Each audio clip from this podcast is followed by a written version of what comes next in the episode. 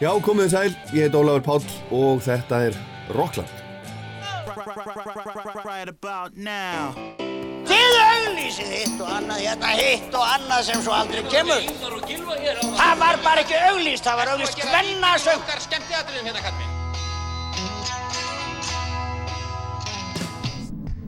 Hvað gerir kvöld? Kíkja á tónleikana? Ekki? Eða ekki beint fyrir mig að vera einan um einhverja brjála úlinga. Hvað minnur þau?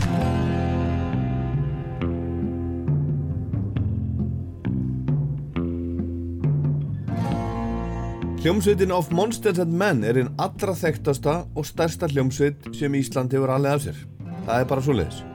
Sveitin var til fyrir tæpum áratug, sigraði í musiktilörunum 2010, sló fljótlega í gegnum allan heim með læginu Little Talks og hefur síðan verið á stöðugum ferðalögum heiminn að spila fyrir fólk.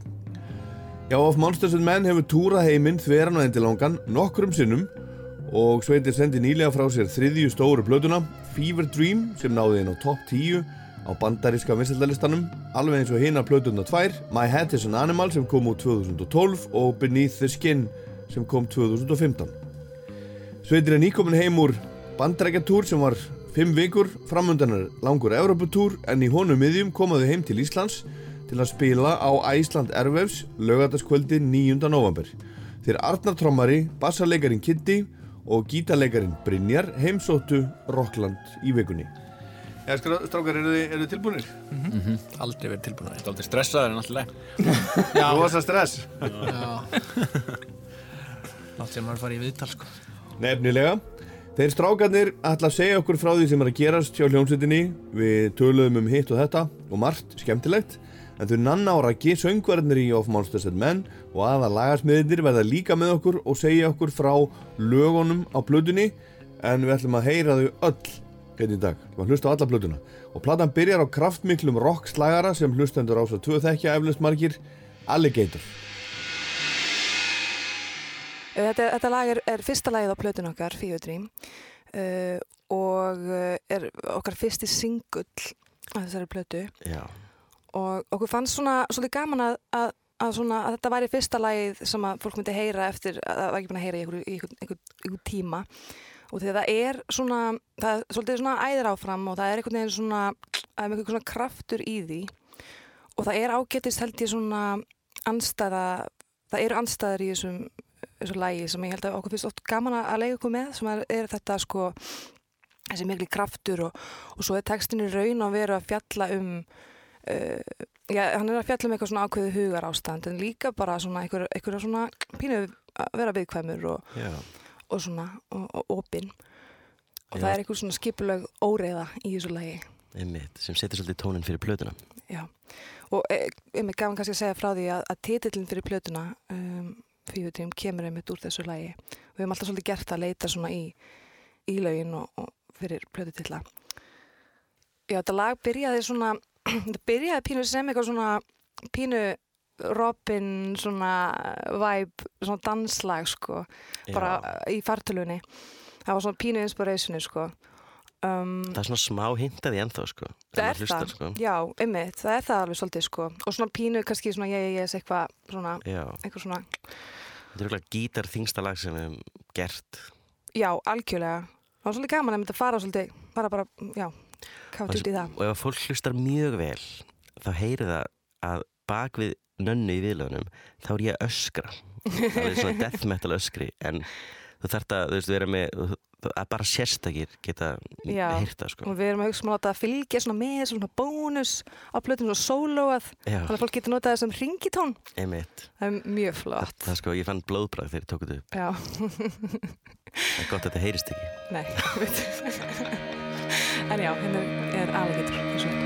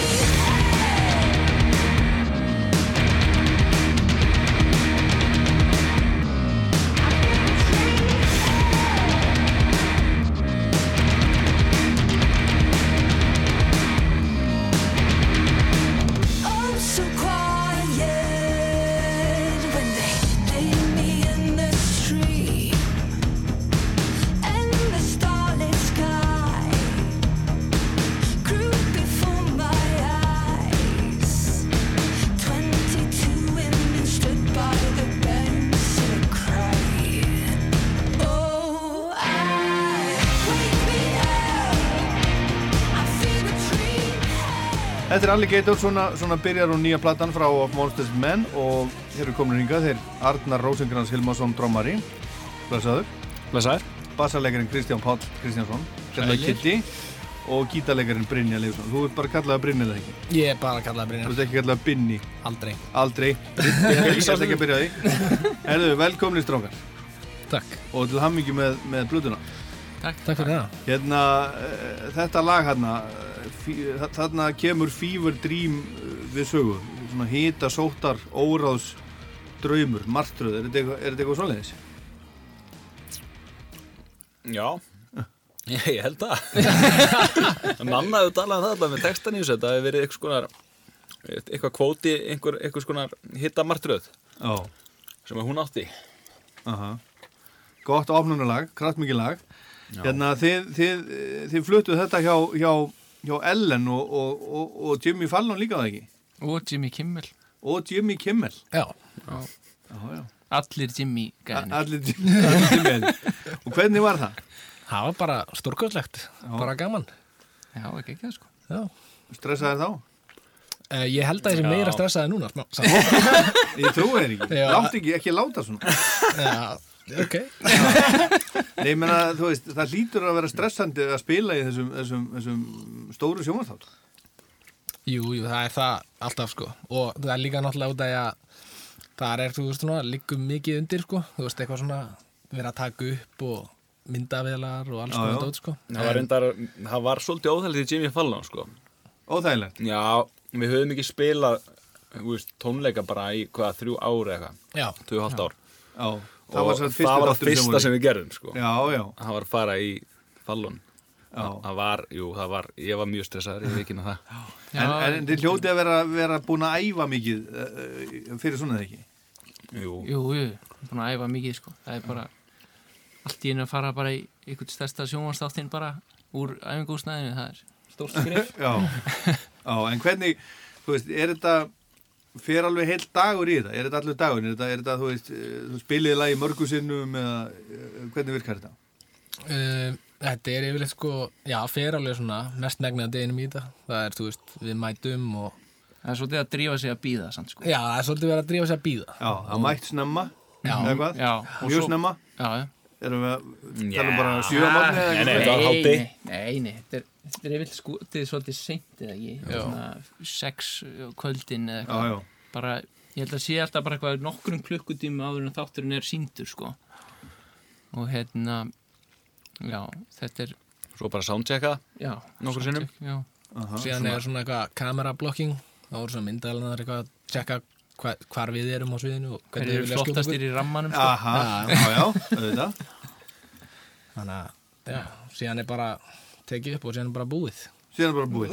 Og allt í mjög segir Jimmy Fallon eitthvað, ó, gjör þið svo vel og maður bara, 1, Já. 2, 3, 4 og En, en sem sagt, eh, þegar þessi atrið eru, er tekin upp menn, er þetta tekið upp sem sagt, eh, sem sagt live, er þátturinn svona í reynsli er þetta hluti af þættinu eða er búið að taka þetta upp fyrirfram eða, eða þú veist, er þetta í uppafið þáttarins sem þetta er, sem að- þetta þetta er bara hluti af þættinu sko. Já, þannig að þið bara býðið meðan, þú veist, viðtölun eru og svo Já. bara spilið Býðum live. baksvið sko og erum með þáttinn bara inn, veist, í Hann er bara- baksviðsherbygginu hann er bara í og horfum á þáttinn og svo bara Já, einn gera sér klár. Já. og, og svo, svo bara eitt teik já, Já, en ef, veist, ef eitthvað komið upp á við hefðum alltaf geta gert það aftur sko við fáum alveg að fara upp og hlusta hvernig það kom út og svona. Við erum bara svo góðir spilarar. Já. Herðu, en nóg nó það í bili hérna, hérna, en platan, er hún sko hvað er hún er hún að miklu leiti eins og þið voru að vonast til þess að hún er því svona þegar þið byrjuðu að hugsa um hana hvað er hún mikið svona eins og þið voru að vona Uh, ég held að hún sé bara nokkuð nálægt í að svona, já, ég vil meira en maður hefði vonað. Eða allavega ég. Ég er allavega mjög sáttur hvernig hún endaði, sko. já, ég þetta sé mjög sáttur líka sko en ég veit ekki hvort ég hafi ímyndað með nákvæmlega þessa útkomu þannig að fyrir lengur síðan sko en, en ég, já, þetta er en var er eitthvað svona ánægður, sem, sem var lagt upp með? Ætlum að gera svona plötu? Nei, það var við töluðum um að hafa hana svona svona bara aðeins öðruvísi sko. Svona Já, svona aðeins að þreyfa fyrir sér í aðra rottir og eitthvað svona og uh, já, síðan bara einhvern veginn þróast þetta bara í það sem þetta er einhvern veginn, það bara svona maður getur alltaf svona hugsað hvernig eitthvað á að vera eða verður og eitthvað svoleiðis en síðan þegar maður byrjar allt í henni að vinna í þessu þá fer allt í aðra átt kannski óvart Já. og ég held að það er svolítið svona það sem gerðist til okkur En, en er það ekki rétt skiljað mér að hún var svona, hún var búin til eh, svona minna akústísk heldur en hinnablöðunar? Já, hvað minnur þau? Bara svona ekki eins mikið samin á gítar. Já, nei, hún var, já, ég var miklu meira samin í tölvu bara en þú veist, já, þannig sé sko, ég nú, einhver leiti að gítar líka Já. en meira svona verið að taka upp kannski á meðan að vera að semja veist að, að semja og taka upp. Það var kannski já, var meira þannig. Meðan seginstu tvær voru meira svona semja á kassagítar og koma inn í stúdíu og spila saman og já, en það var, en það var öðru sí það var öðru sí Stúdíóvinnun byrjaði í rauninu miklu fyrr. Já, miklu fyrir Já. Fórum fyrst sko í stúdíó svona, tókum eitt sessjón í stúdíó eitthvað sömarið 2017 fyrir þessa blödu sko. Og unnum þá í nokkrum lögum Já. Er eitthvað eftir á því á, á plötunni? Alligator var- kom þá fyrst sko. Já, já. já, það var fyrsta leginn sem við unnum í sko. Og hvað, Ró Ró líka held ég, alveg öruglega Já, og að hei held ég að Jú, jú. gert eitthvað já, í einhverju mynd, jú. Einhver- einhver mynd, sko. Já, einmitt Sem að er akkurat næsta lag sem að við ætlum að, ætlum að heyra. Þar, þar finnst mér eins og, eins og sé eitthvað svona, ég getur alveg sé tónvillir sjá mér, finnst eins og sé eitthvað svona pararinn að fóta sig í tilverunni. já, Vá, já þá bara fílingluðin eða bara með því að Ég veit ekki, ég bara, ég bara kasta þessu hérna svona, Já, ef, ok, ef, ef, heyra, ef við kannski heyra Áhugavert. hvað Nanna og, Raggi hafa um lagið að segja. já, Já, endilega Já, við byrjum að vinna þessu lagi frekar. Þetta kom nokkuð snemma í ferlin okkar, sko. Við vorum í, í gróðrúsinu 2017 að taka þetta lag upp og, og þetta var alveg svona strax lag sem var frekar svona effortless og, og svona, sem lög er það bara svolítið, svona fá bara svolítið, það er bara svona fljóta áfram, sko. Einmitt. Og þetta er, var klálega þannig lag. Og þetta lag er svona, kannski það sem við fýlum við að það er svolítið, það er svolítið svona ostaf á góðan hátt, þú veist Já. Og það voru svona blendan tilfinningar í hljónstinni fyrst með það, sko, út af því. Já, Það var svona ferðarhringin eða, það ferða ekki tringin. einmitt, En, en okkur fyrst að fara hringin. Já, ég, og þú veist, einmitt, og þetta er kannski svona jákvæmt við plötuferli hjá okkur að svona lög fengi oft svolítið bara að vera það sem að þau eru og, hérna, og ekkert vera að reyna að tróða inn í einhverja kassa og þetta lag vildi bara svolítið verða svona, þú veist, Algjörlega. þetta lag og ég held að það, það er svona líka það fekk bara að njóta sín og uh, Og það var svona, það var að finna sér samt svona svolítið lengi. Já, og það var þarna svolítið seint í ferlinu þegar við, þá, þarna, þegar við byrjum að vinna með Ritz Kosti og tóku það svolítið í svona, svona tóku það svolítið langt í 80s feelingin. Já, og þá svolítið fór það að setja sata rétt sko. Einmitt, við vorum svona svolítið að, að svona, við vorum svolítið meira þá undir áhrifum frá Phil Collins og Whitney Houston og svona. Já. Titillinn, Já. hann er kannski skemmtilegt að tala um það að í fyrsta demóinu á, á læginu þá það var þarna rattsampl frá trómarunum okkar Arnari sem þá einhvern veginn, ég veit ekki ekkur hann ákvaða að segja ahæ en hann gerði það, nákvæmlega svona. Já það var einhvern veginn alltaf í læginu og svo var þetta svona í lokin þar sem við tókum úr læginu Já, akkurat, þess, og svo er þetta bara eftir og stundum, það, og, og, hérna, og það er kannski svolítið fyndið að maður svona, þegar maður er að gera sér demo þá stundum bara setur maður eitthvað svona niður og svo bara finnur maður ekkert annað því að það er bara einhvern veginn, er bara það sem maður er og það er bara, ok, þetta lag heitir bara Ahæ, tælensku bjór sem bræðast það sem mjölk nákvæmlega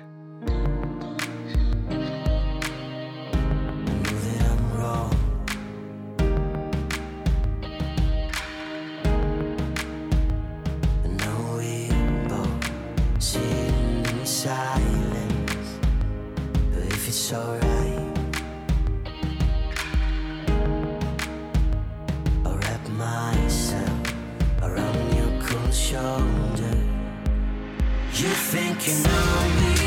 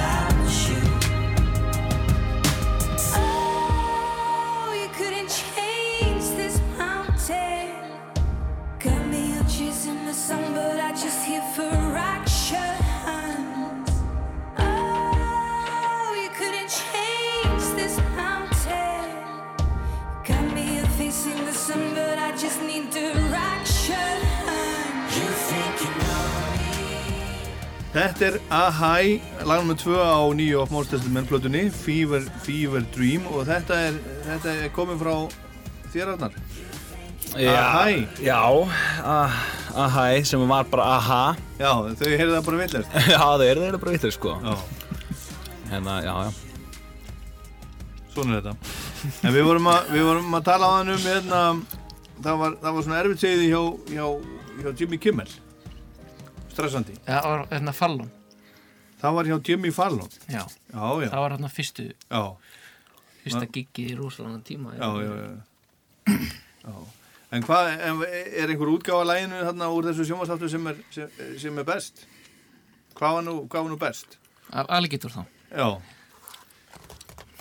Mjög örglega ellen, sko. Já, Já, þá voru búin að spila í mánuð á túr og svona og þá var maður svona, árið svolítið vel þétt sko já, Maður er örugari, sko. Ég var hann að snúa kjúðum og eitthvað svona. er það? Maður er meira töff, sko. Já, já, Það var smá, maður var örugari, veginn. Fann það, sko. Þið eru svona, þið eru byr, byrjuð að túra og, og búin að vera, eh, hvað lengi núna? uh, fimm vikur, Ég tókum að það fimm vikur í Norður Ameríku já, Já, og erum að fara núna til Evrópu já, bara eftir viku og tökum fjóra vikur þar. Reyndar stoppum við hérna heima og tökum Airways. Já, sem er skemmtilegt. Akkurat. svo fyrir við aftur til Ameríku í desember. Og svo hérna eftir jól þá tökum við Ástralíu Asíu, dæmi eitthvað. já, og Já. Japan og eitthvað svona. Og hvernig er nú búið að, búið að vera núna? Þið náttúrulega eru, eru orðin svo vunið svo náttúrulega, en hvernig eh, var þessi, þessi túr í Ameríku núna? bara frábær. Það var mjög skemmtilegt sko Algjörlega, mjög gaman, sko. gaman að spila fyrir svona svona mikið af fólki og, og svona svona hressa aðdáðandur Já, Amerikanar er alltaf svolítið hressir já, eru þeir, hressari heldur en aðri?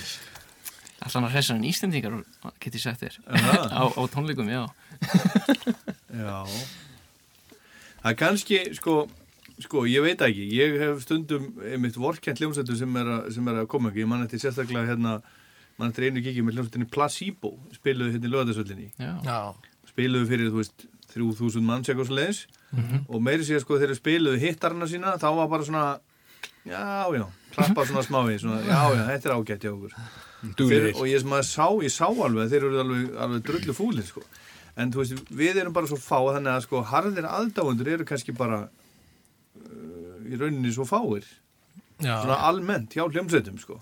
Einmitt. Ég held að vera með kenningu um sko að þetta sé sko hræðsla. Og þetta því að Siggi frændi gæti verið að fylgjast með og þú, þú eru ekki að missa þig sko. Já, já. þú eru ekki að, að hérna, en þeir náttúrulega eru vönd því að fólk sé að, sé að missa sig bara. Já, fólk er stundum bara sko grenjandi hana fremst sko yfir já, sjá Brynjar eitthvað taka eitthvað sóló sko. Já, já. Og, og hvern, hvern, hvernig fílaði það? Hann fílar það Brynjar. mjög vel það er bara geggjað, sko. Er það ekki? Já, það er mjög gott að horfa fólk í. gráti yfir sér. Já, toppurinn á, á tilvörunni Já, já. en hérna, já, þeir eru, sér, það eru fimm vikur búnar í Ameríku hvað eru þið lengi heima núna?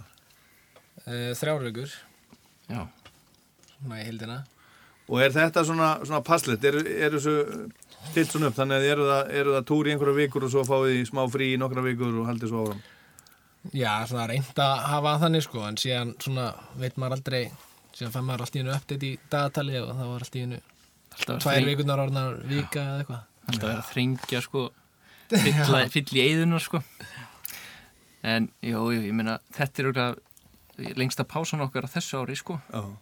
Já. En hvernig er það einmitt að vera, þú veist, sko, ef maður er einhverjum í vinnu, þá veit maður að maður mæti bara á þrjóðdöð, mögudöð og fymtudöð og fórstugum, yfirleitt þá maður frí bara lögat á sundag og þannig er það bara, maður getur svona skipulagt sig út árið, sko. Mhm. Eh, sko, hvernig er að vera bara komin í svona batteri þar sem að þið bara kannski stjórnið því ekkert sjálf, bara verðið að mæta. það er sko, getur verið svolítið skrítið og stundum er það þægilegt líka sko þurfa bara ekkert að hugsa, bara að mæta einhvert og býða þar til að einhver segir þér að færa þig Já. En ég með er þetta bara, þetta bara eitthvað sem, að, sem maður lærir að lifa með og meta. já, ég segja það sko Arnar, þú segir ekkert. Nei, ég segi ekkert maður. Ég er bara sammála. Og Brynjar, Já, þetta er bara, Er þetta bara geðveikt?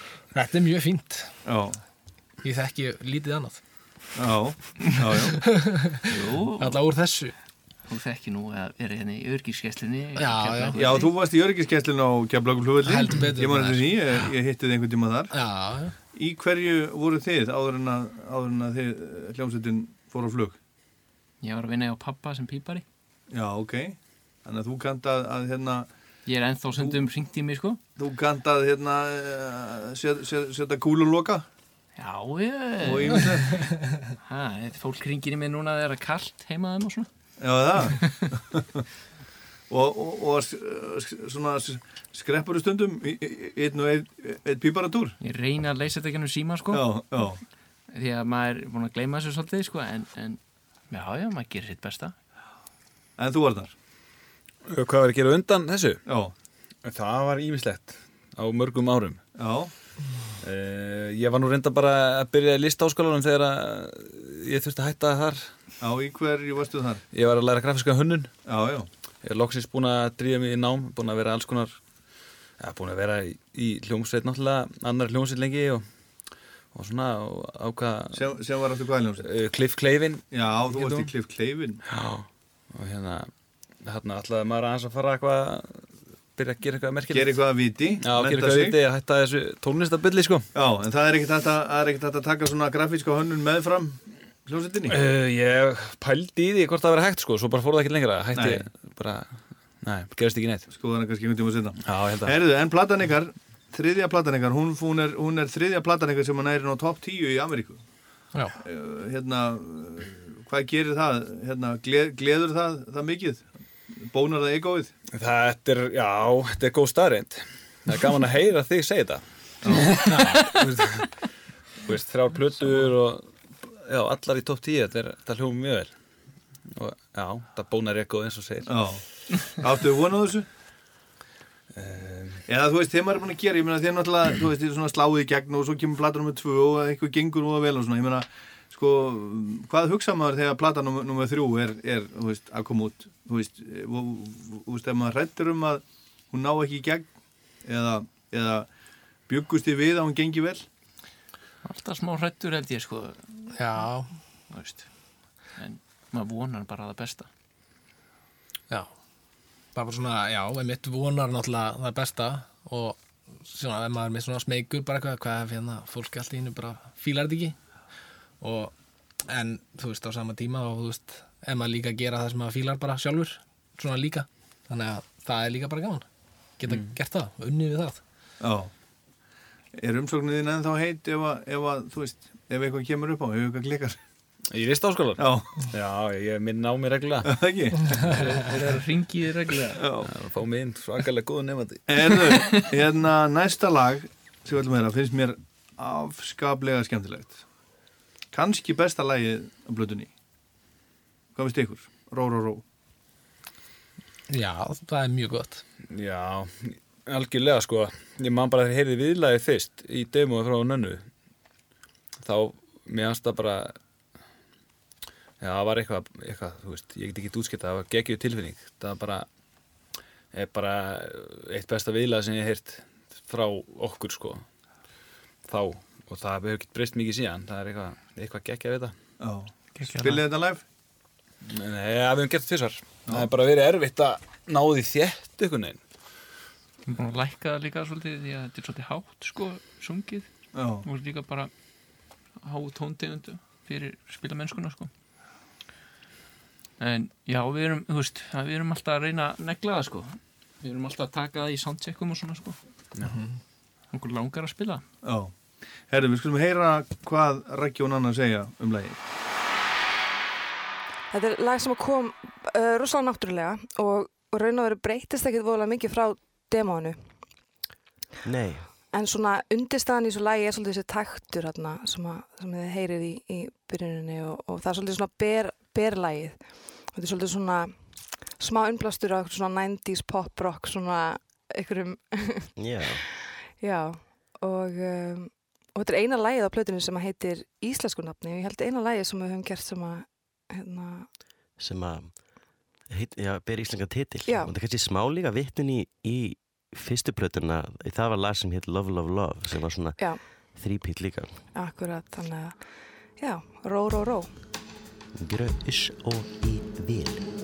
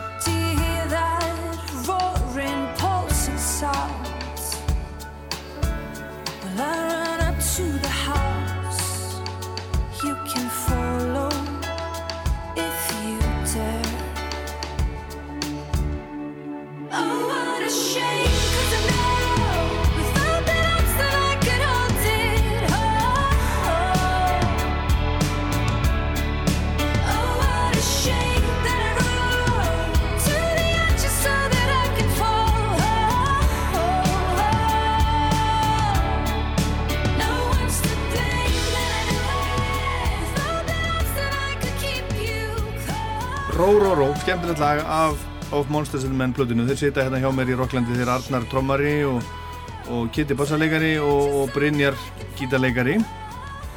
Hérna, uh, hvenar kom, kom platan þetta út?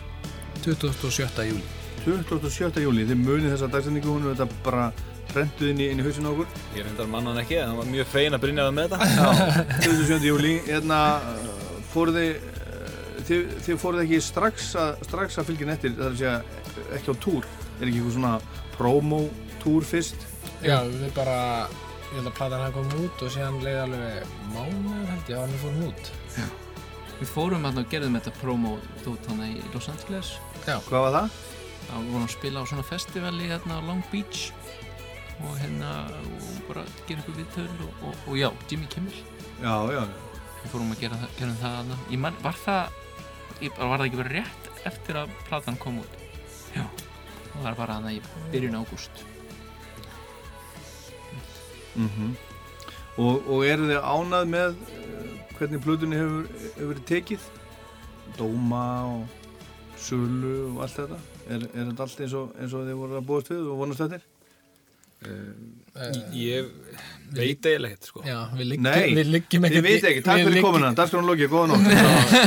Við liggjum ekkert yfir sölutölum sko, við bara Eða, eða ekki heldur, sko, uh, svona engan að gjöf eða eða svo leis, eða hvað þetta heitir. Ég er búinn að skoða þetta eins og hérna, ég er bara, þetta er umfram mínum vonum sko. Um, bara, þú veist, búinn að fá mjög góða dóma allan það sem ég hef séð. Og maður, jú, maður getur fylgst með sko, það er miklu léttar að fylgjast með sko streymum Já. í dag og bara með sérstakar aðganga inn á svona Spotify Artist Já, já. og það sér maður sko þegar platan er nýkomin út bara sko hverja, hverju spilun tikka á hverju sekundu sko Já, ok. Ég er skítrættu við það dæmi sko Ég er ekkert að sjá þetta sko Er það ekki? Nei þetta er samt svo grafískt. Já, já, þetta er örugglega flott fyrir alls konar fólk í bransanum eða svona business, svona businesslega sé kannski. Ég minnst þetta eitthvað áþægilegt. Af hverju? Ég veit ekki, þetta er svona fyrir að hafa áhrif á mig, þú veist, þegar þetta spila núna mest og ok, eitthvað. Æ, ég veit ekki, þetta er kannski fyrir að hafa okkur áhrif, svona, ég þóra ekki að taka sensinn. Það eru 3125 manns að hlusta núna Það er bara þannig. Það stendur við það Vá. Á einhver lög á, á plötunni eða einhver lög með ykkur? Bara einhver lög með okkur inn á Spotify Já. Og senustu sjö daga eru 2,08 miljónir hlustanda. En já, þú veist, maður getur Er fylgst með sko. er, það, er það hlustendur eða, eða, eða, er, það, er það sko stög lög? það er hlustendur og svo eru sko streymin alveg sér, sér Já, sko. Já. þau eru alveg 5,5 miljón Kitti til að gera sér þáttu þetta fyrir þig. já, ég get mætt bara. Já, við gerum svona spin-off bara svona hérna, á. Spotify strax á eftir Herðu, við skulum, við skulum uh, vinda okkur, vinda okkur strax í næsta lag það er hérna, það er einhver svona um, ég heyrði bara einhver svona, svona Bon Iver tengingu, er það eitthvað? Er það, er það einhver svona, einhver, einhver tenging í hérna uh, hérna Waiting for the Snow Það geti vel verið Einhverju svona raddeffektar og eitthvað Já. svona. Já, já, einhver stælar já ég veit að Nanna eru fílað hérna búin að vera mjög lengi. Já. þannig að það er mjög líklegt. Líklegt, ef að heyra hvað þú segja, Raggi og hún. Já, Endilega. Já, þetta lag er bara svona, þetta er svolítið svona afrekstu þess að vera að dunda sér rosa mikið með eitthvað lag og bara svona prófa alls konar hljóð og vera í tölvinni bara eitthvað svona að leika sér. Og um, Í mindsweeper og svona. í Minesweeper Akkurat. Tetris og svona. Já, akkurat. En hérna ég samti þetta lag þegar að hérna, ég, var að þrá ykkur svona tilfinningu sem er bara titillin Waiting for the Snow og ég var að vinna í risun í húsinu minni, eða þú veist ég er með vinnustæði þar og ég er með svona fallega glugga sem er svona eins og þrýrningur og þegar það snjóar þá bara svona lokast maður algjörlega af, það fellir bara snjór og maður sé bara hvítt og maður, það er bara svona svolítið sem maður sé í einhverjum svona einhverjum svona snjóhúsi. Mm. og ég var einhvern veginn ég var svona að þrá þessa tilfinningu. Það kom bara nokkur dögum eftir ég byrjaði að vinna í þessu lagi. Og þannig að maður var einhvern veginn inn í þessu þú veist, einhverjum svona bómul að vinna í þessu lagi. Og hérna sem að, sem, þetta er afskaplega góð tilfinning.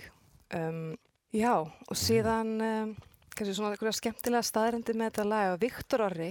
Já, uh, hann gerir strengi útsendingu í lagið sem, að, sem að var gullfalli og ég er mjög hrifin af. Hérna en, en Anna hún svona einhvern veginn drap hana á síðustu stundu í mixinu sko, á þetta því að hún var að fylla upp eitthvað svona eða svona tók mikið, mikið plás mikið pláss kannski og, og lagið einhvern veginn það þarf að anda og það þarf þetta að speysi sig. Já, það er nefnilega útrúlega fyndið of hvernig, þú veist, þetta var svo, þetta svo fallið hjá honum Mhm. og mann langar næstu bara svona að gefa það út eitt og sér, skilur, og þetta var, var þannig, en svo það einhvern veginn, þegar, stundum þá, þá vantar, vantar þess að þögn til þess að annars bara drekkir öllu. Já. Þannig að við drápum þetta bara, Við eigum heyra. en þetta er líka við- tendans í okkur við eigum til að hlaða á lög en við vorum að svona að koma. Já. gera það ekki á þessari Akkurat. en þó að það er svona smá strengir hann inni ef þú hlustar vel kæri hlustandi Já, waiting for a snow. I'm waiting for the snow. I'm waiting for vision so I can feel brighter. I can feel lighter.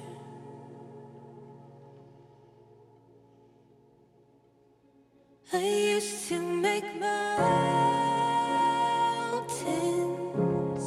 but then they grew bigger than me. I thought that I'd climb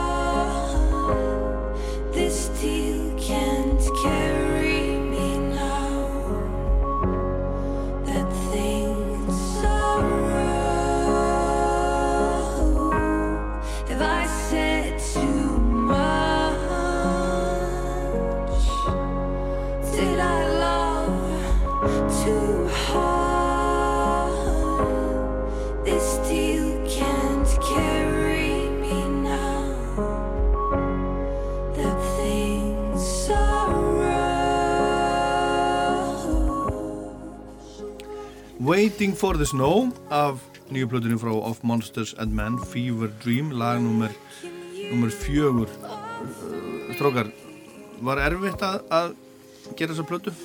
Nú spyr ég eins og Jónas, Jónas Jónasson eða einhver, var það erfitt ekki, var þetta erfitt?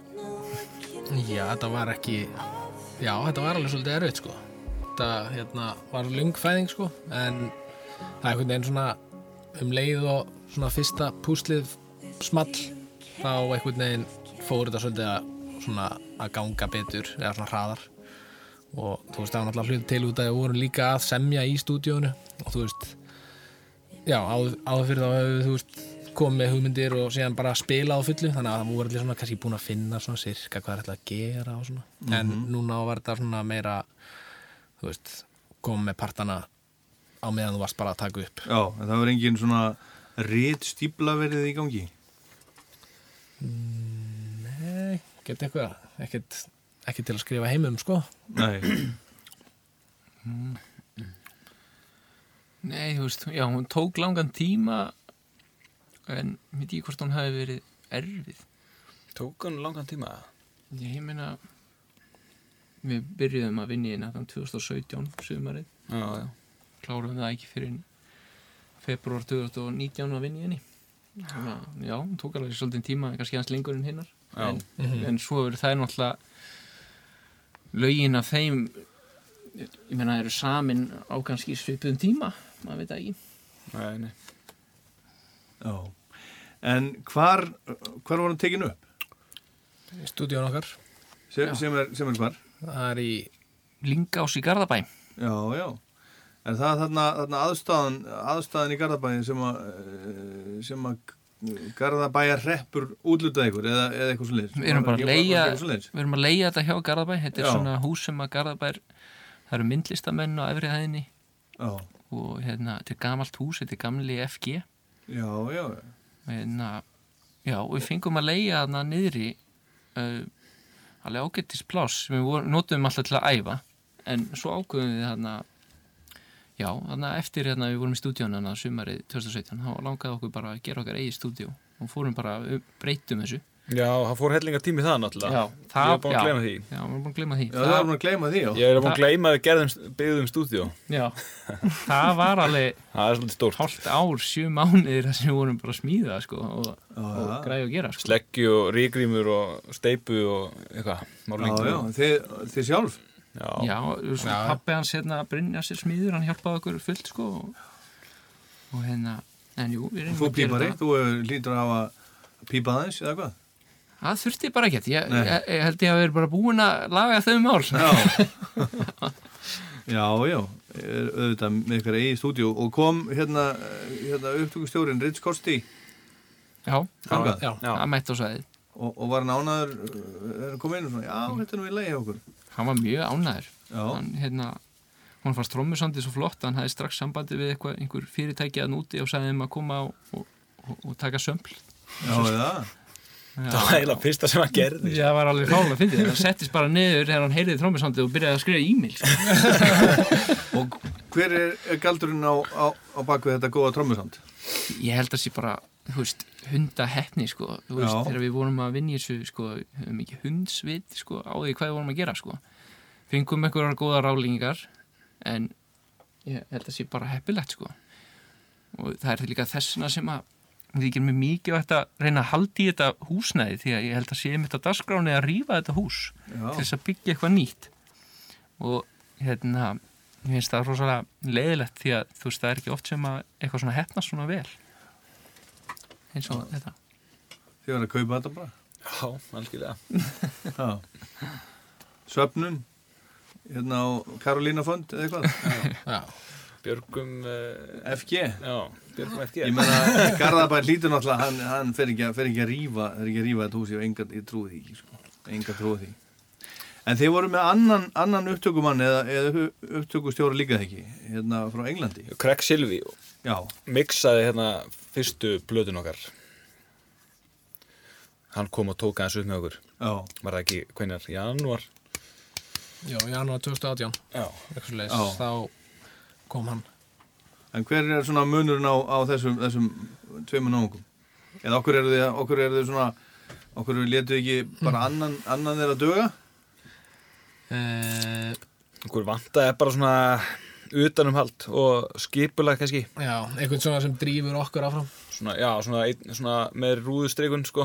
Já, og er það, það er Rich Kosti sem að Já. kom með það? Hann kom svolítið með planið og, og svona, og, já, og svona klárið þetta, þú veist, og Já, hætti þessu rugli Já, og svolítið þannig og svona, þú veist, smá svipa og við verðum bara að klára þetta. Ykkur tíma þarf að segja skilið við þetta sem getur verið erfitt en Já. hann er svolítið með það og við náttúrulega þekktum hann vel. Frá, hann gerði með okkur beneath the skin og við vissum svona nákvæmlega hvað við myndum fá með því að ráða hann inn þannig að það var bara það er mjög auðvelt að missa sig í sko þegar maður er með sitt eigi stúdíu og hefur bara allan tíman í heiminum. Og þá er þetta alveg að gleyma sér í bara einhverjum rosalegum smáatriðum í þessum lögum sko.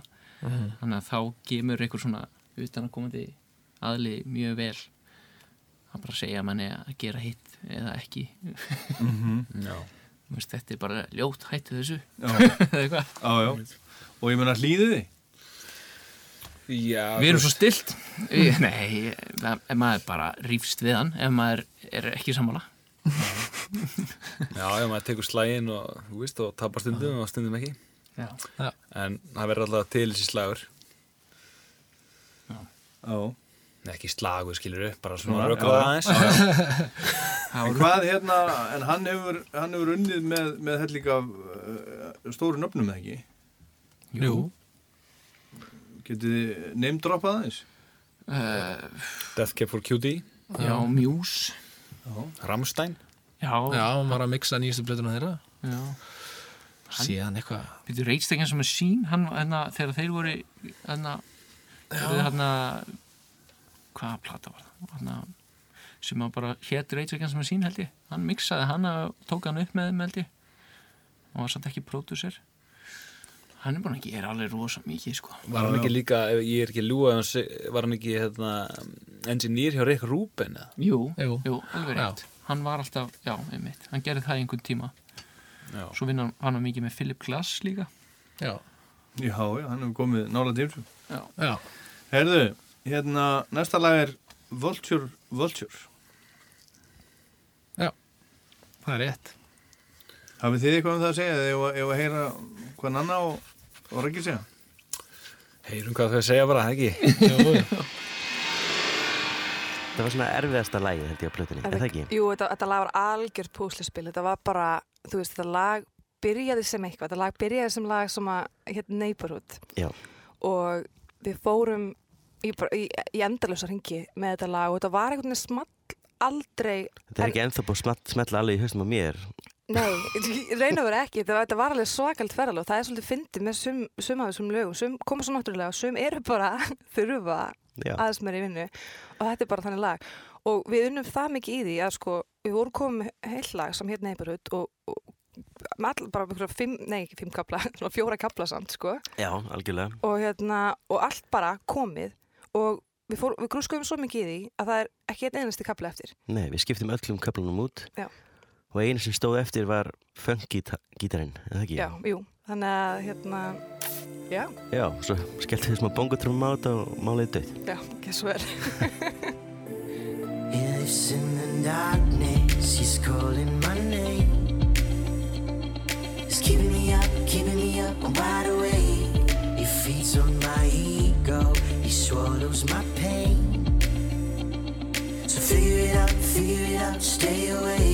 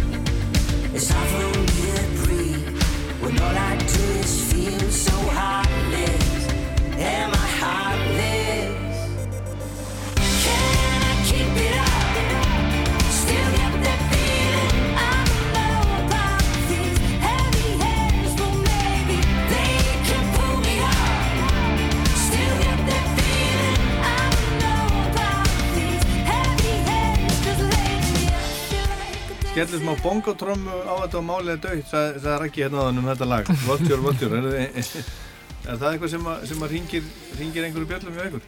Já, svolítið sko. Bongo trommur og sleppa sig, það er það sem við viljum Já. Já. Já. En hvernig, uh, strákar, hvernig er, er stemningin í hljómsveitinni? Hún er bara mjög góð. Rífandi stefning Já. Er, er, er það ennþá svona, ég meina, þetta var náttúrulega uh, sko ekki svona hljómsveit í, í, í upphafi, þetta voru bara Raggi og Nanna eða ekki tvö og svo komst þú inn. Nei, vinnu minn. Það er núna? ég og Nanna Það er fyrst. þú og Nanna, þú séð núna. Ha? Ok, það er þú og Nanna, Já, þetta, var Nanna, síðan kom ég inn og síðan kom hérna Raggi, Já. svo Arnar. Og þá var þetta of Monsters and Men. Já. og, og byrju, í Um og músiktilunum, þið voru, þið voru með, með músiktilunum, þið tveir. Já. Já. Það var ég nýkominn inn sko. Ég var bara búinn Já, að vera varst þú sem varst nýkomin inn, ég sé Já. það núna. Ég Ég var- að meina þetta allir mann, þetta varst þú Brynjar og Nanna sem byrjuði þetta. Það var ég Arnar sem var nýkominn inn. Já. Já. En, hérna, en, ég meina, en svo, svo, svo gerir svo margt, ég meina það er ekkert, það er ekkert sjálfgefið að þetta, þetta hangi, hangi saman, ég meina að þetta bara gangi alls saman upp. Hefur, sem, semur ykkur, semur ykkur alltaf vel og Já. Uh, ég er alltaf ekki ennþá held ég rifist neitt stórkostlega við neitt sko. Nei. Ég býð alltaf eftir því sko Já. Ég er alltaf á taugum hefur þú einhvern tíma rifist við einhvern, einhvern Brynjar? Mér, mér Ég- finnst þú ekki vera þess legu, sko. Í örgiskesslunni Herðu, ég er búin að rífast við marga ferðamenn. Er það? Já, Já, en ekki svona, ekki svona viniðin eða fjölskyldu þessu leið. Nei. Ég sé það, sé það, ég sé það einhvern veginn ekki í því hlutverki, sko. Nei, það er rétt. Það frekar að, ég sá, ég sá kitta í því, sko. Já, já, ég er að sö- sölumenn í síman og allan daginn sko Gitti líka sem ég dólgur. Þetta glaðilega Rockland með of Monsters and Men heldur áfram hérna eftir smástund.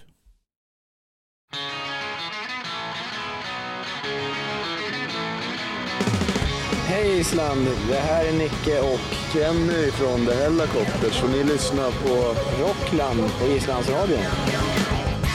Þetta er Rockland, ég er Ólaður Páll og gæsti þáttarins eru í dag þeir Arnar, Kitty og Brynjar úr Of Monsters and Men og reyndar Raggi og Nanna líka en við vorum hérna áðan að tala um, um stemninguna í hljómsveitinni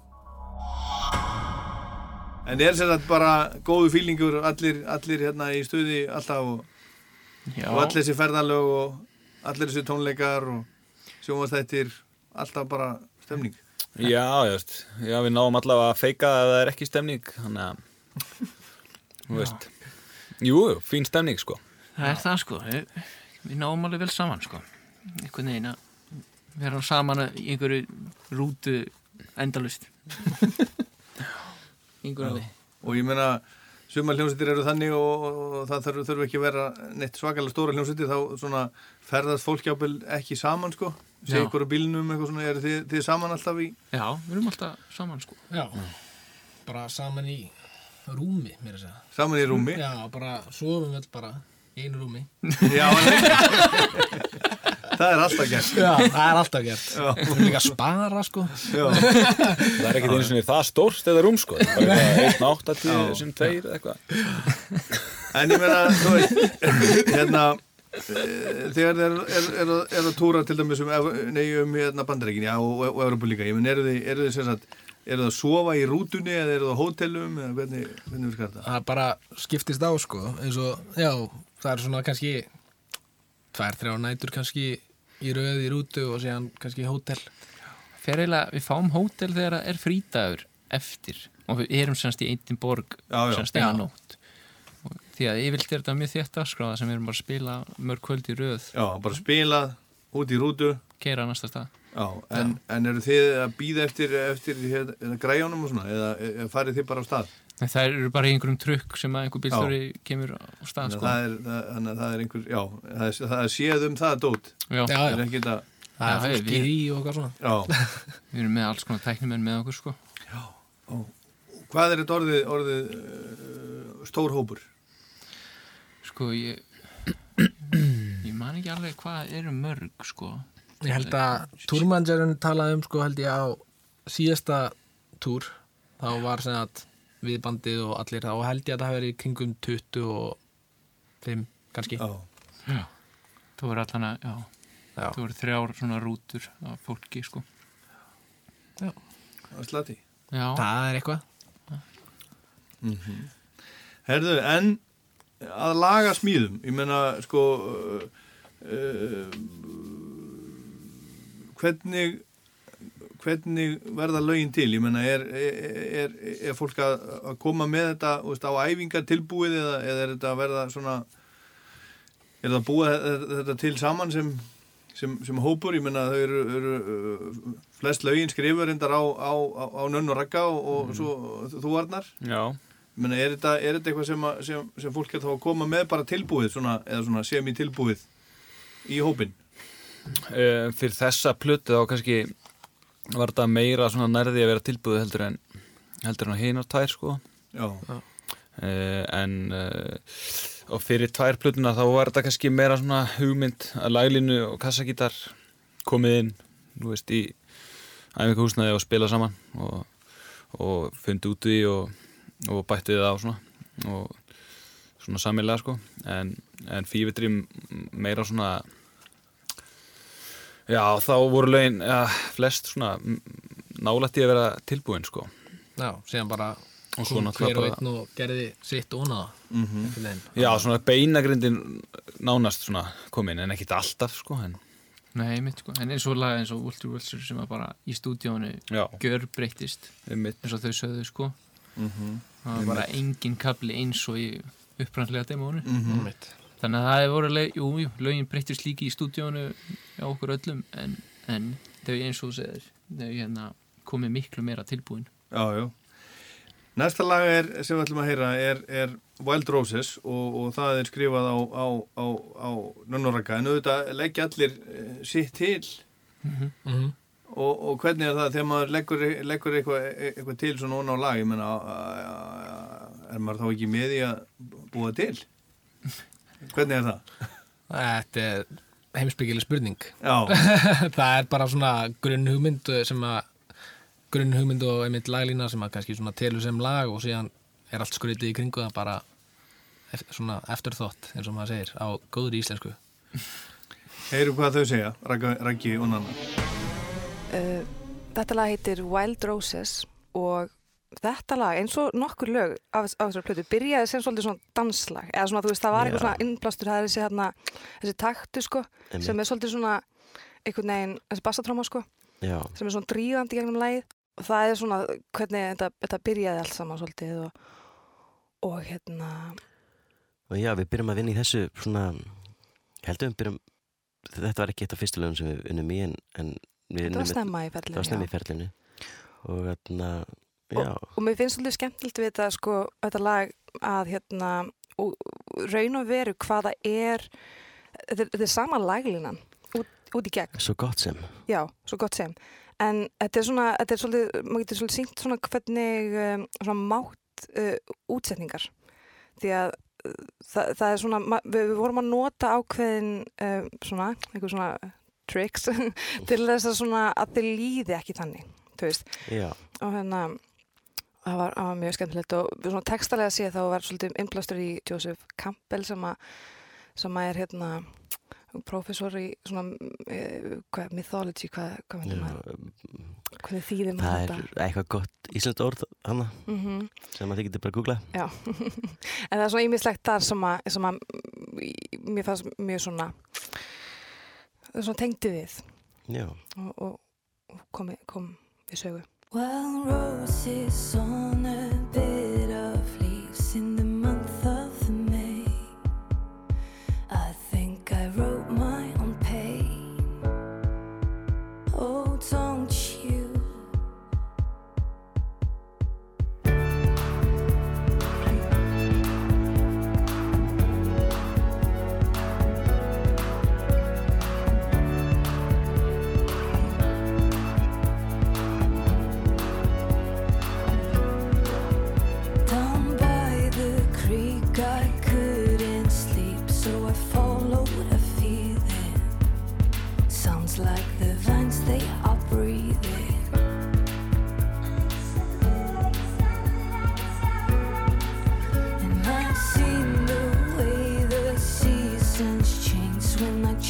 give it time.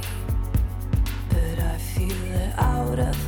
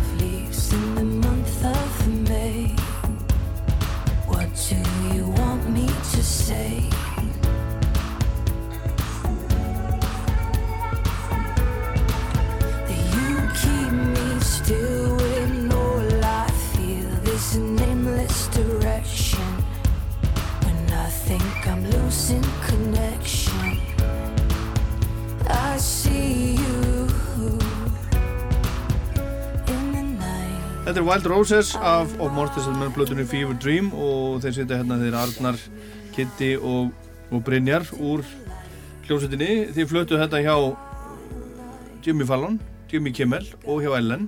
Sama lagið á að, á ekki að svona, dreifa lögun, kynna fleiri lög. Er það, er það bara singullin alltaf sem að, sem að ræður?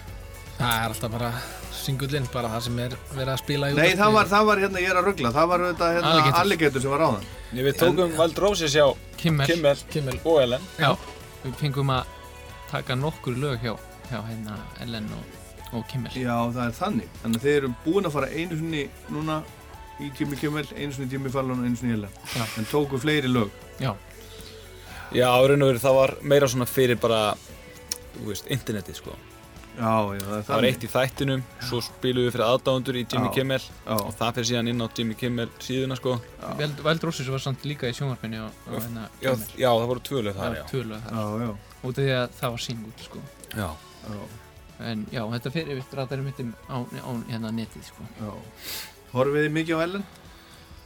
Uh, nei. Nei? Nei, það, það er endar alltaf í svona hljóðulöst í sjónvarpi í rektinni þegar ég fyrir þangað Ok. Þannig að ég, ég Já. séð mikið Ellen þáttum en Já. ég hef ekki heyrt mikið Já, Hlustar ekki mikið Ellen Nei, Greinilega ekki horfir En þið hérna, þið hérna hittu hana þess að ekki ósleins? Jú. Er þetta viðkonuleg kona? Já, ég myndi Já. segja það á þessum stutta tíma held ég Hún Já. áritaði kjöðuna mína Já, Það var vinulegt já. já, ég- Ætlar að setja þá í ramma? uh, Já, kannski sko Ég smíði eitthvað Já, smíðar eitthvað kringum þetta. Já. Þú fær, fær kitta til þess að eh, pípa eitthvað. Já, eitthvað ramma. eitthvað næst fyrir mig og- Já, setja einhver rör að um þetta Jay Leno áritaði líka kjöðuna mína eitthvað tíman já þið hafið náttúrulega spilað á honum líka. Já, geta, geta verið saman einhver starf í vel pípulegðir rétt náðum Jalen Já. Tvísvar Já, við tókum En hvernig, en hvernig, strákar, sko, nú, þú veist, sko, hvernig er að, er að blanda þessu saman? Ég menna, einn daginn eru þið bara með, með hérna, jetsettinu einhver staðar hérna í, í, í hérna, Ameríku, í þessum, þessum stóru sjónvastáttum, þar sem allar stærstu stjörnur heims koma og svo eru þið bara komin hérna heim í, í hvað? Volkslas? Já, já horfa á Ellen með einhver hljóði Horfa horf, horf með ein, einhver hljóði í Volkslas, ég menna, er ekkert, er ekkert, hérna, er ekkert erfitt að blanda þessu svona, svona saman? nei, nei maður bara einhvern veginn finnur út úr þessu Já. En verðið aldrei svona, svona, sko, það sem ég á við er sko, eh, sko, þið, þú veist, þið eru eiginlega svona með, með, eh, með sékvort fótinn í svona sikkvorum veruleikanum einhvern veginn. Er, er ekkert erfitt að halda balans bara? Það er svo gott að koma heim sko þá einhvern veginn, þá ertu alveg stikkfrí sko nema þegar þú ert að koma í viðtal hingað. Hvað gerir þið þegar, þegar, þegar, þegar þið komið heim eftir svona fimm vikna túrum Ameríku og búin að spila í einhverju sjónvastáttum og hvernig eru dagarnir? Og hvað er búið? meina, og bú, búið allir Reykjavík? Ég bý í Garðabæ. Já, bara hliðin á stúdíón okkar. Ég byrja Áltanesi Já. sem er Garðabær, þannig séð. Já, ég bý, ég bý í hlýðunum já. En Re- maður kemur bara heim til sín og slakar á myndi ég segja sko. Rakkir í Kópói já, og Nanna er uh, í hún er í hlýðunum líka. Hlíðunum, já. Já, já, þannig að þið eru bara í, í Reykjavík, en það er ekkert, þú veist, ykkur hefur ekkert svona, það hefur ekkert verið rætt að, að bara flytja eitthvað út til Ameríku eða eitthvað? Jú, jú, það var alveg rætt eitthvað tíma sko. Að að flytja eitthvað. En það var bara engin svakalur áhugi kannski fyrir því? Nei, okkur er allir fundist þið þurða þess? Já, við vorum bara að spurða þig kannski, við rættum það ekkert kannski. Hún var bara að spura hvort við vildum gera það. Já, já, já, en, en, þe- en þetta hendar ykkur ágætlega, ég meina, hérna eru náttúrulega mitt á milli Európu og Ameríku, já, Já. þetta er fín staðsynning þannig að alla hljómsendur þetta flytja í ég, líðan. ég er búin að vera að tala um þetta. Já, já, hljómsendur sem við hittið og við hittið, já, Já. bara flytja í líðanar. Já, Garðabæn helst. Garðabæn Akkurat, en hérna en talandi um Euró- E- E- bandaríkin og, og aðra staði, ég menna, er, er einhver munur á að túra um um bandaríkin, Evrópu, Ástralíu? já, það er munur á því það er, sko, bandaríkin er náttúrulega bara svolítið spes bara fyrir, bara í heldina sko litið það er alltaf eitthvað svona aðeins öðruvísi í bandaríkjunum þú veist. Rútan er til dæmis öðruvísi. Já, og, og, og hún er bara á einni hæð. Já, er það betra? það er alveg ágætt sko. Það eru ekkert verri sko. Það eru bara öðruvísi. Það er svona, svona rosalega mikið lagt út á þægindi. Það er alltaf svolítið mikið svona sófi þetta amerikanum finnst gott að slæka á sko. Það gott. Þú elskar Ameríku. Já, Fórst ekki fram úr allan dúrin Nei, ég mitt. En ég, ég, ég held að finnist nú skemmtilega samt að túrum Európi sko. Já, En já, hverju er kraftin það? eru líka öðruvísi sko. Tónleikanir yfirleitt sko. Ég veit það ekki. Það er bara svona bara svona minnir mann meira kannski á Ísland skilur að, en að, að túrum Európi sko sem fær maður rosalega oft í bát í Evrópu þegar maður er að fara á milli sko, hérna, Bretlands og hérna, mið Evrópu þá var maður alltaf einhverjum bát svona, Já. í, rú- í, rú- eða, þú veist, já, fer úr rútunni Já, og er, einhverjum er bát það í ekki tónleik. næs? Það gaf verið pyrrandi sko þegar maður þurfti að vakna meðan nótt og þegar má ekki sofa í rútunni í Já, bátnum. í. Maður þurfti að fara upp og vakna sko. Já, látið mér friði Já. Já, Það er ekki tvoleis í Ameríku Nei. Nei. Herðu, áfram með músikinn. Næsta lag heitir Stuck in Gravity. Við skulum heyra, heyra hvað Nanna og Raggi segja um það. Já. Um, þetta er svona tillistakreppi lag, þú veist, þegar maður er þrítur og þá sem maður svona lag. um, þetta var svona, til að byrja með, þegar ég var búinn að semja viðlagi og, og versið á viðlagi, þá, þá leið mér eins og að Nanna ætti að syngja þetta lag. Mhm. Mér fannst eins og þetta var eitthvað svona ekki, myndi ekki alveg passa við mig, en hún hvatti mig til þess að syngja og held, fannst það að vera bara flottara. Já, mér fannst það bara hérna, einhvern veginn það, veist, svona, með svona ballur þá kannski er tendansin nefnitt einhvern veginn já, veist það er kannski meira eitthvað svona comfort zone að, að láta mig syngja, Já, einmitt. en þú veist, eins og með alltaf svolítið plötu þá vorum við, við vorum svolítið að að passa okkur að fara ekki í þessi comfort zone sko, Já. og þetta er bara eitt dæmi með Eitt dæmi um það, sko. já, Þetta er svona Houston, Já. ballaðan á plöðinni. akkurat Um, það er kannski skemmtilegt að, nefna að segja frá því að þarna, það er textavitnin í, í, fyrsta lagið á fyrstu plötun okkar Já. í lok þessa lags Já, þú, þið hlustið vel, þá heyrið þið ekki að segja My head is still an animal Já, um, sem er líka titillinn á fyrstu plötunni Mhm. um, Lóka kaplinn er einhvern veginn var saman í allt annað lag Mhm. en einhvern veginn smelt passaði þannig Mhm. eins og maður sundið með maður heppin Já á maður eitthvað til og lager Já, já, púsla ykkur saman Já. Akkurat um, Stuck in Gravity I'm stuck in gravity. I'm far from where I wanna be. I'm like a raindrop in the ocean. I get lost in my delusion of reality. I don't know up from down. Or when my feet are on the ground. I've been around for 30 years, it's kinda hard to think about your own mortality. And this high,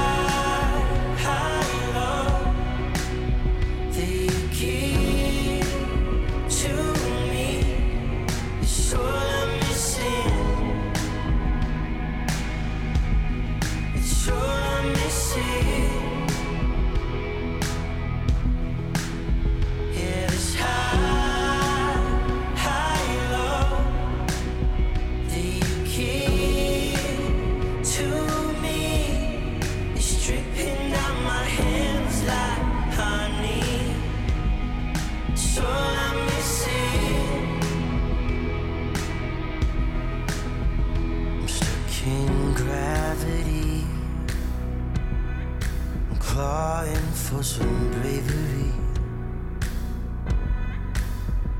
Try to be still in a moment, and I'm hoping for a never ending odyssey.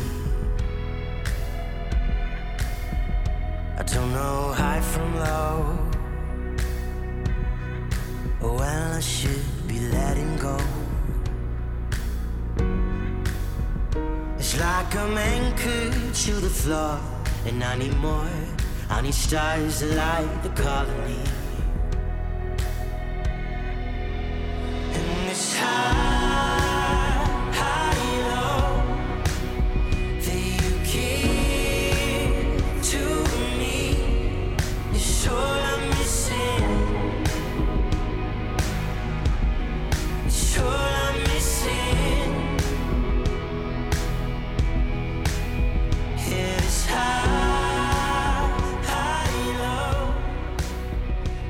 Þetta er Rockland, ég heit Ólar Páll og gesti mínir eru þeir Arnar Kitty og Brynjar úr Of Monsters and Men Eh, Við erum að hlusta hérna á lagið Stuck in Gravity á nýju plötunni sem að heitir, heitir Fever Dream Eh, Rækki var að tala hérna á um, um Whitney Houston, eru þið samanlega því? Er, er, einhver, er einhver Whitney Houston stemning í þessu? Að ykkar mati? Uh, ég tengi ekki við það, ég er, ég er ekki að heyra það Nei. Alltaf það sé ekki bara að þetta er eitthvað hérna ballaða Það er ekki svona fílingurinn En hann samdi þetta sko, þannig að hann veit alveg hvað hann er að tala um Hann, hérna, þetta var svolítið svoleiðis kannski, kannski meira þannig uppálega í fyrsta fórumi sínu, þetta lag, sko. Já, já. var og svo breytist þetta og, Já. en hvernig sko, hvernig er ákveðið hver á að syngja hvað? Við þrýr ákveðum það Þið ákveðið það Já, þau skiptast á að syngja Já. og síðan segjum við já eða nei? Já, já, með gruna þetta Já, væri svona. Þetta er svona svo í The Voice. Já. Nei, ég meina, er, það, er það sá sem að þú veist, er það alltaf þannig að sá sem á mest í læginu, hann syngur það eða, eða hvernig er þetta? Ég held að enda oft þannig sko. Já, Það er samt ekki alltaf þannig. Nei, nei, og, En já, er- þessari blötu er það svolítið þannig. Já. Held að sé svolítið þannig sko En er flókið að vera með svona tvo, þú veist, yfirleitt er bara einn Elvis, Elvis í hverju hljómsveit, Já. þess að þið eru með tvo. Er það, er það erfitt? Við erum með svona tvo frontmenn. Nei, alls ekki erfið, það er bara doldið næs Myndi ég að segja sko. Ættu allar hljómsveitir eh, að búa í hlýðunum og vera með tvo frontmenn? Já, Ég- Já, er það ekki? Já, Klárlega. já, Þetta er eins og að þetta séu tvær hljómsættir sko. Já, Í raun og veru, þannig, ég meina Nanna syngur sín lög, hann syngur sín lög Þetta er gæti alveg verið sér hljómsættir Þannig sko. Já. Verður, verður verður fólk kannski síður leitt á hljómsveit sem er með tvo söngvara? Er þetta svona leini, leinibráð, leinitryggs? Sko, ég hef hugsað út í það. Gæti alveg verið, að hafa einhver áhrif. Já, Þú veist, þetta er margt mjög ólíkt hann að á einni plötu sko. Já Það er við að, við að komum við. Já, Og ef við skellum okkur strax í næsta lag. Það er talað um sveppgöngu í, í Mexíkó. Var þetta lag til í Mexíkó? Sleep, Sleepwalker nei, það var ekki, var ekki til í Mexíkó. Ég veit svo sem ekki hvaðan Mexíkó tilvinnin kemur. Engin okkar hefur labbaði svefni þar, heldur Nei. Er það nokkuð það? En hafið þið spil, spilað í Mexíkó? Já, já, Já. Hvernig var? það var bara geggjað Spilum okkur festival í hérna Mexiko borg Hvað var það þér? Var það Lollapalooza eða? Nei, það Nei, það var, annað. bara eitthvað festival eitthvað svona sem ég man ekki hvað hétt en ekkert svona einhver eitthvað stórt sko svona keðjufestival sko Já, jú, jú, ég mann Manstu við vorum að spila með þarna Last Shadow Puppets Og Major Lazer Já, við leysar Einmitt. Jú, það var mjög geggjað Já, það var mjög skemmtilegt sko Já. En hafið þið túrað um, um Suður-Ameríku? Já. Já, við höfum farið í nokkra svoleiðis túra Og hvernig er, er, er, er að túra um Suður-Ameríku?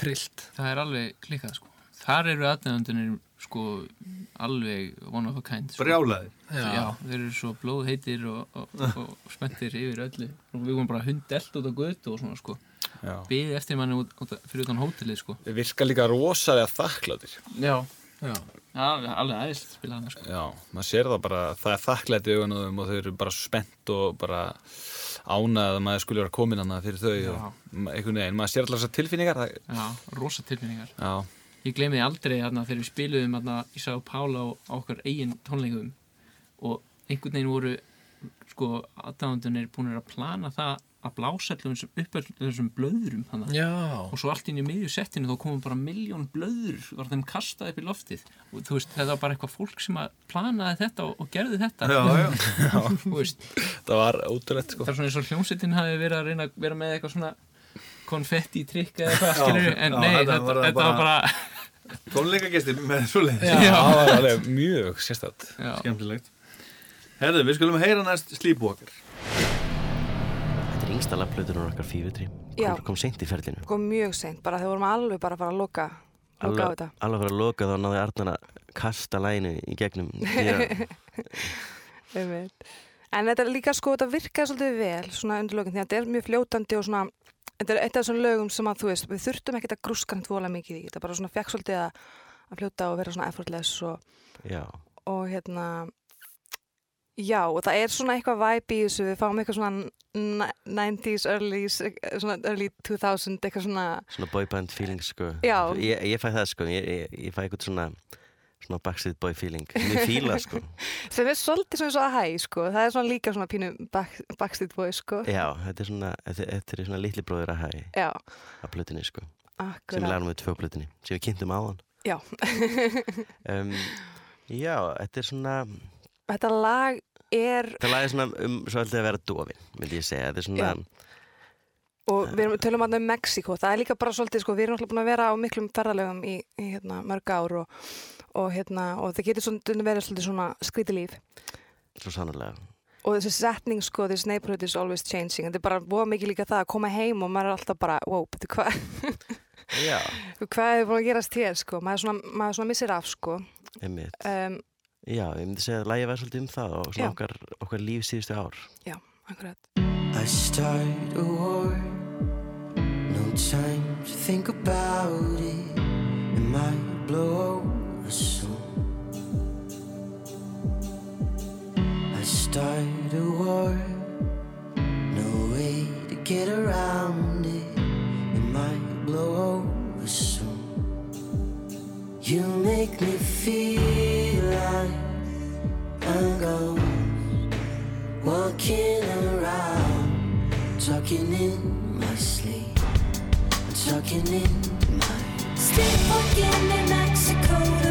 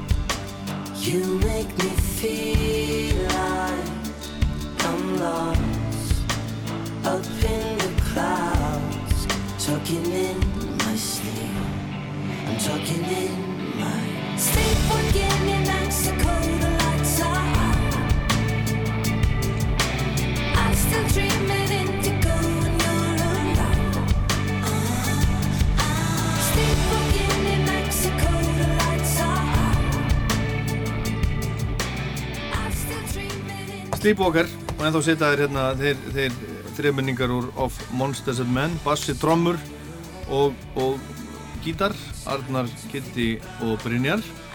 Það er hérna ja, diskurinn sem ég á og ég á reyndar lí, líka vínil þetta er bara svona sér íslensk útgáfa. Já. með hérna Record Records logoinu hérna aftan á. Þið hérna, ykkur hefur fundið þetta skipta máli að platan kemur út í svona sérstöku íslensku upplægi Já, okkur þykir það skemmtilegt sko. Hún er, hún er reyndar eins, umslæðið er eins sko útleitandi núna, það er ekki munur eins og við hinn tvær Nei.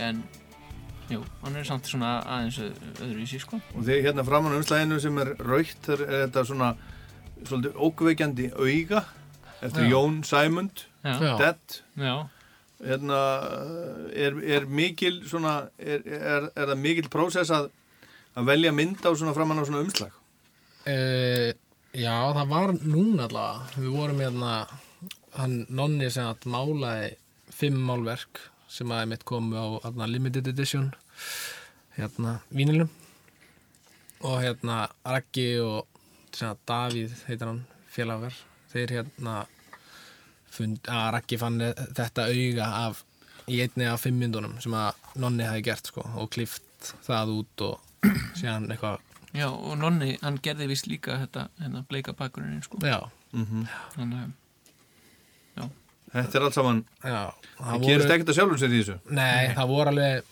mjög margar hugmyndir Já, við vorum með mútbord upp á vegg.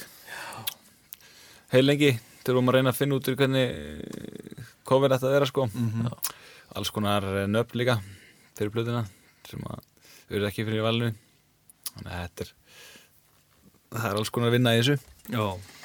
Herðu, nú eru þið hérna eh, nú eru þið að fara til Európu að túra. Já. komið svo hingað, hingað og spilið á Æsland Airwaves Já. í nómber, það verður stærsta gigið á Erfus í, í valskapellunni hérna hverjir verða með ykkur þar og, og, og er það sem sagt völdu þið þá sem að, sem að verða með ykkur? Eh, Við höfðum alveg með að segja, sko. Já. Við, við vorum alveg í lúpunni, í Ég sé lúpunni, að, sko. að þarna hljómsveitin sem er á undan ykkur er vög Já. sem er einmitt að fara með ykkur, er það ekki? Já, jú, jú. Þau eru að fara með okkur hérna, um Meiland, Európu og það er alltaf ekki að hafa þau með okkur þarna þannig að ég veit alltaf að það, við vildum það Já, já, einmitt. Uh, Svo er þarna japanskt band líka sem man ekki alveg heiti, mannstu heiti vinnar Nei. Var ekki Agent Fresco og hvort það ekki verið, var það Daði Freyr? Eða hvað? Jú, Daði Freyr Hann er náttúrulega geggjað, sko. Það verður gaman að fara og horfa á hann, sko, áður að, hérna, maður fer á svið. Komið sér í smá fíling. Já, ég man þetta ekki alveg Já. Allavega vök með okkur Já. Það verður gaman að fara með þeim til Európu Já. Af hverju hérna buðið þið þeim með? Bara gott band Já. Þú veist, Íslenskt gott band sem að okkur finnst bara að eiga skilið að koma og, og spila fyrir fólk í Európu og, og, og við höfum bara, við getum í raun og veru búið upp á það að við höfum tekið með okkur íslensk bönd bara að reyna að kynna íslenska tónlist í útlöndum í, le í leiðinni þar sem að þetta er góð vettangur í það sko. Mm Og áfram skulum við halda með, með músíkina. Hérna um, er mikið sungið um, sungið um, um ástina í- bara almennt í heiminum. Og hérna er, ef mér sk- skjáttlast ekki er verið að, verið að gera það. Lægi heitir Wars, Raggi og Nanna eiga lægið og textan Þetta lag er kannski eitt af elstu lögum plötunar. Já, ég held það, er þetta ekki, þetta er alveg frá, frá 2015. Ég held að hugmyndin hafi komið á milli túra um, um jólin eitthvað tíman þegar ég, þú veist, var að leia hú íbúðunni á frængu minni og þetta ég var íbúðulegs Já. einu lilla herbyggi þar Mm. um, og svo svona he- hefur, hefur þessi hugmynd þróast alveg tölvert en það kannski það sem er, hefur alltaf verið er þessi drífandi bassalína ef þetta er kannski eina fáum skiptunum sem lag með okkur er með svona laglínu í bassalínunni Já, akkurat. Okkur, þetta, sko, við fórum, við, við köfum svolítið djúft í svona, svona ratt heim á þessari plötu. Og það er kannski aðeins að heyra það á þessu lægi og við, við sóttum svolítið umblástur í, þú veist, Fleetwood Mac og hvernig, hvernig þau svona byggðu upp þennan, einmitt, ratta vegg í raun og veru. Já, ég held að sé mjög hvað eru, 16 nönnur að syngja Já. með mér hana og bara svona geðveikt soft, eitthvað svona, "Mm, svona að taka geðveikt í blás en ég er hann að Já. búið til vegg. Einmitt. Þannig að það var svolítið skemmtilegt, sko. En já, gjör svo vel, Wars. How does it feel to lie alone in your bed when you know this is forever?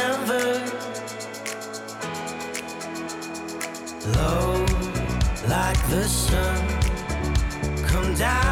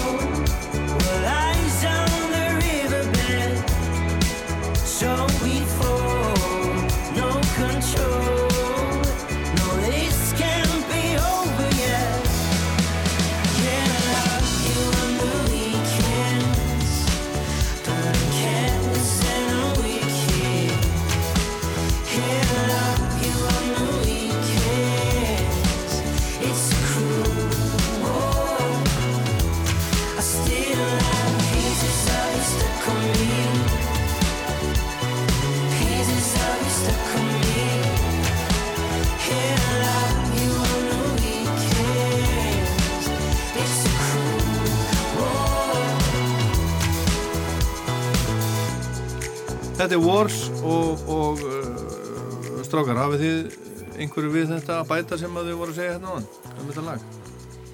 Það er bara hérna, kannski svona fyrsta er líka svona dansvæna lægi sem við gerum kannski myndi ég segja svona það er allt svona frekar straight forward og svona skemmtilegt sko drífandi síðan vildu hafa svona techno-pumpu sinn það undir sem er alveg skemmtilegt það er svona Fólk er líka að dansa á tólarum og svona. Já, Já, já, dilla, dilla bossa. Já, Það er nú ekki leiðilegt. Til að bossa? Nei, bara Já, já, það er Það er geggja að bossa. Gekkja, gekkja Herðu, en hérna við vorum aðeins að aðeins að tala um hérna áðan hvað þið verða að gera hérna. E, e, e, ég náði ekkert alveg upp úr ykkur sko, hvað hérna, í hvað fara dagarnir hjá okkur þegar þið eru hérna, hérna heima hvað er verið að gera, hvað er verið að brasa Ég reyni að fara bara mikið út og vera úti, þú veist, í göngutúrum með hundin og náttúra og veiða og svona. Helst að komast í veiði bara strax. Silung? Já, bara silung og, og lax og já, stangveiði bara, Já, almennt sko. Uh, já, og svo bara eða tíma með dóttu minni og já þú var dóttur já, Já. ég var dóttur, Móei og hérna, og, já, bara eða tíma bara með fjölskyldinni og borða grónagraut og eitthvað svona næs sko. en þú, þú geti? Bara svipað sko. Maður bara reynir að sko slæka á, þú veist, ná sér aðeins niður. Te- tekur á þessi ferðalög og svona og Er erfitt er að ná sér niður eftir svona? kannski svona sko fyrstu dagana maður, eins og núna þegar við vorum að koma þarna vesturstönd bandaríkjana og maður ansi hérna jetleggaður en jújú, jú, þetta er bara svona Þóttu þreytur þóttu þreytur, þetta er gott íslensk orð maður um, já og bara eða tíma með fjölskyldunni nýta tíma Já. neina heima á Íslandi sko. Fara í sund, Já, það er nú, nú aldrei gott að fara í sund. Ég var í sundi bara áður en kom hinga Já, það, í hvað, í hvaða lögferðu? í Garðabænum Já, já, er Kitti fer ekki út úr garðabænum sko. En, en, en, en sko, Garðabæri er náttúrulega líka hérna, Altanis, hún er nú flott lögin á Altanisi líka. Já, við fyrir þangað stundum. Það er ástæðan fyrir að ég flutti þangað sko. Er það ekki? Það er öldulögin á nesinu. Öldulegin Já, hún er góð maður, hún er Já, frábær hún er frábær sko. sko, ef að hlustundum langar að hitta Arnar þá er Arnar reglulega á sunnundum í öldulegin Já, já, já, eins og, eins og, eins og maður gerir. En, en þú Brynjar Áttu þú einhver svona sem þú ert að, ert að sinna þegar þú- ert ekki í, Það- í vinnunni? Já, það er bara ímislegt sko, það er bara, þú veist, eh, hérna, mitt bara hvað vinn í tónlist og síðan bara, hérna, lesa og bara, já, Já. fara að hreyfa mig, fara út að hjóla og hvað, Já, já ég fór fallin í því. Þannig að þeir eru svona, svona heilbriðir Já, Heil, heil, Heilbrið fólk Það hljóma þannig sko. já, já, hljóm kannski frekar leiðilegir. Nei, alls ekki, þeir bara, bara mjög, mjög svona heilbriðir og með, með fæt, fætunar í jörðinni Já, það eins er og gott. maður þarf að gera, ég meina það er það sem að það, þannig lifa menn af þessu Já. en náttúrulega lifa ekkit eh, af þessu að þeir eru einhverju villisingar Það er rétt. er það ekki, er það ekki rétt hjá mér? Nei, ég, ég veist, örglega Já, Maður er ekki prófað að lifa af sem vittlisingur Þannig að nei ég það, það það, það eru margir sem að reyna það. Ég menna að lifa, lifa bara hátt og, og, hérna, og svona já, Já, Já, nokkulega. gleyma sér í listisemdum lífsins og svo, svo vaknaður upp með svakalega mitt. og þá getur draumurum bara líka verið búinn. Með bjórfum og baugu.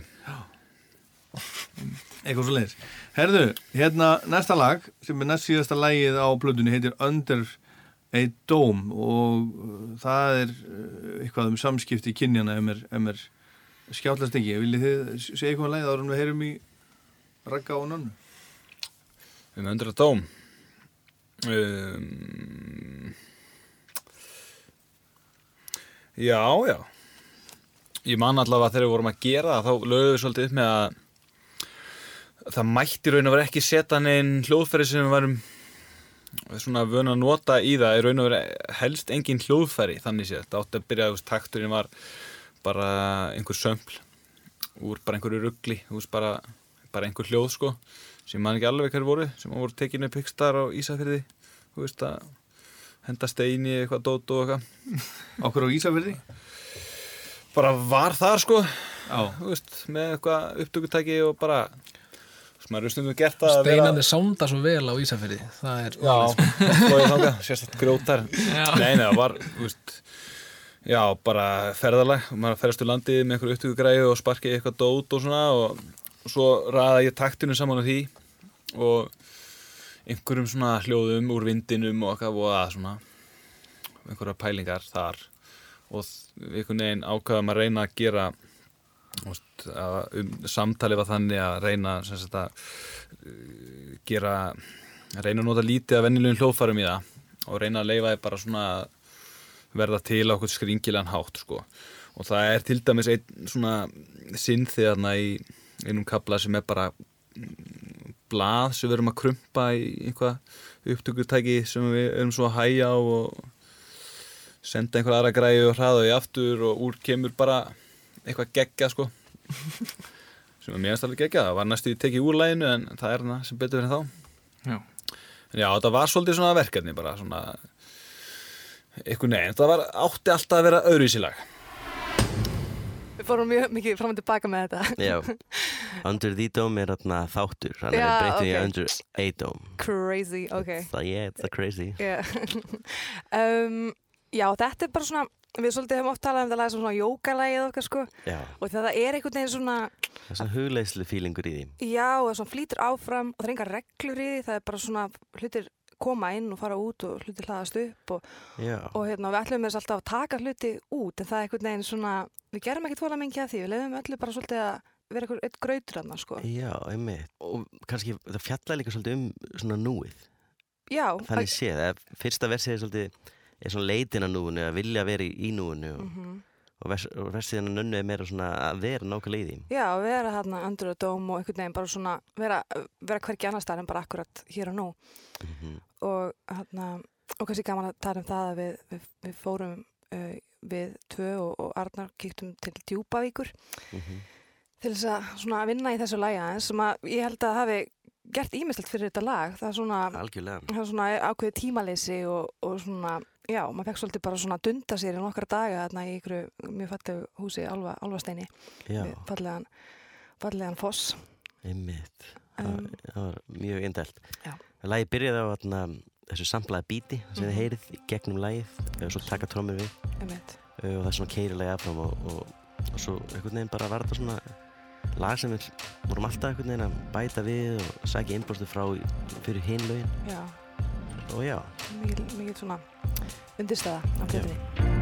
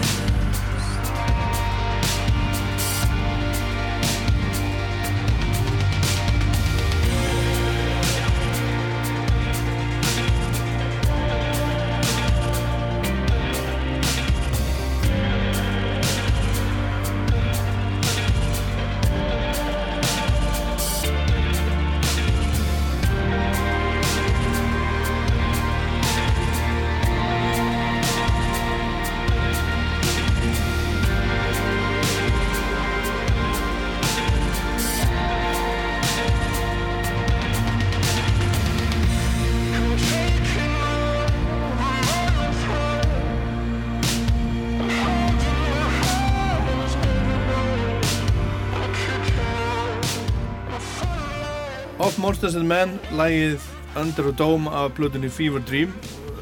Hver sé syngur þarna uh, í restur af laginu? Hann Raggi, Þetta er Raggi, óþekkjanlegur þarna. hann, hann er að fela sig bak við effekta.